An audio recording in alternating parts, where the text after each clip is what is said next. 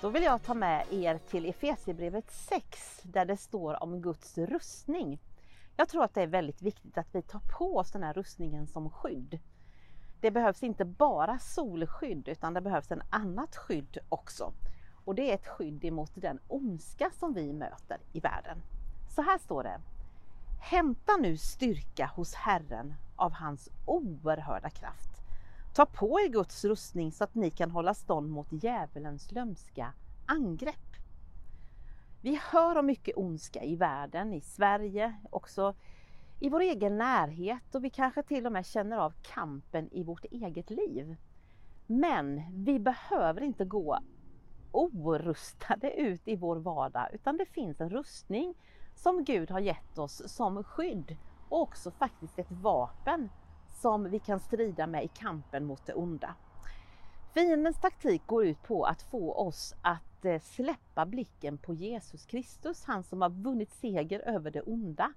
Och därför är det så viktigt att vi tar på oss den här rustningen för den hjälper oss att hålla blicken på Jesus. I den fjortonde versen i Efesierbrevet 6 så står det Stå alltså fasta, spänn på er sanningen som bälte. Kanske har du erfarenhet av hur det är att trassla in sig i lögner. Det är inte någon rolig grej att försöka komma ur det sen, men att spänna på sig sanningen som bälte, att låta Jesus som är sanningen omsluta så att du kan leva ett, ett äkta, ett, ett liv i ljuset. Det hjälper till så mycket.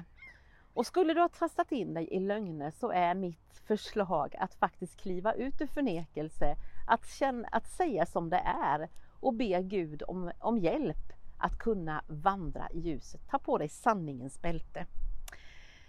Sen står det att vi ska klä oss i rättfärdighetens pansar.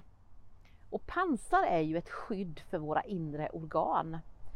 Vi har väldigt lätt att hamna i det ena eller andra diket. Antingen så tänker vi att vi är mycket bättre än alla andra. Eller så kämpar vi med missmod och tycker att vi är mycket sämre än alla andra.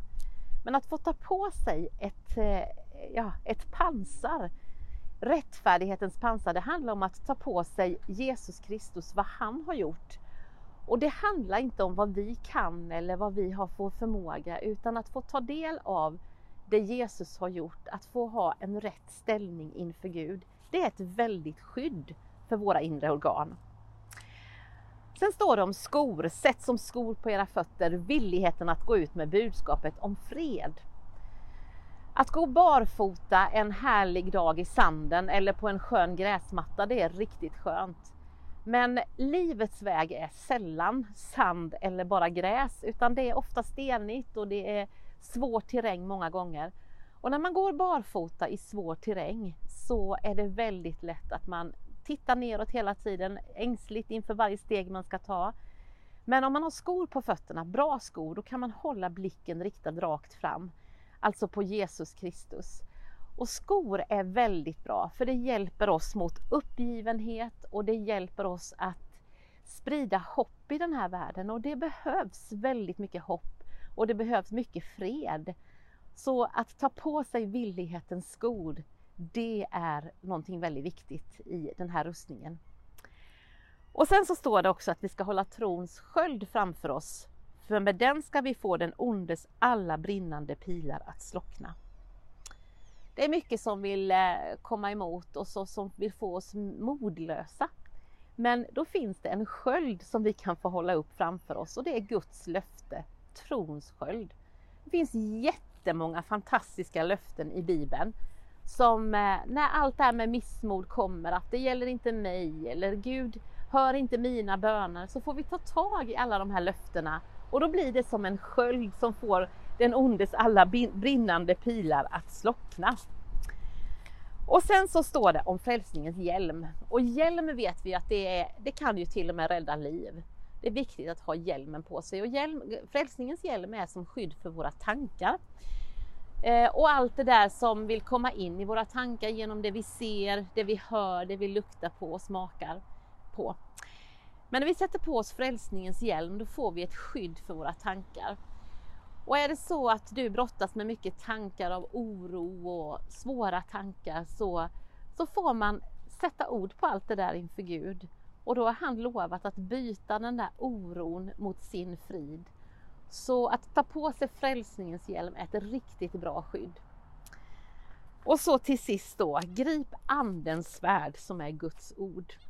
Alltså vi strider inte med vanliga vapen i vår kamp utan det finns ett vapen som är skarpare än allt annat och det är Guds ord. Och det använde Jesus i sin kamp mot det onda. Och att fylla sig dagligen med, med bibelord, att läsa eller att lyssna på bibeln, det är att fylla sig med någonting som är väldigt gott. Och det är också ett vapen i kampen mot det onda. Det står till och med att Guds ord är levande och verksamt. Det är skarpare än något tvegat svärd. Det är ett väldigt starkt vapen. Så att klä sig på morgonen med rustningen, inte bara ta på sig solskydd utan ta på sig Guds rustning. Det är mitt tips för dig varje dag. Frälsningens hjälm som skydd för dina tankar, rättfärdighetens pansar som ett skydd för dina inre organ, sanningens bälte för att inte trassla in dig i lögner, villighetens skor för att kunna gå stadigt med blicken riktad på Jesus, trons sköld för att få den, brinna, den ondes brinnande pil att slockna och andens svärd som är Guds ord. Då har du en bra rustning. Så glöm inte det här skyddet mitt i allt solande eller vad du nu gör på semestern. Herren välsigna dig och bevara dig. Herren låter sitt ansikte lysa över dig och vare dig nådig. Herren vänder sitt ansikte till dig och giver dig frid. I Faderns, Sonens och den helige Andes namn. Amen.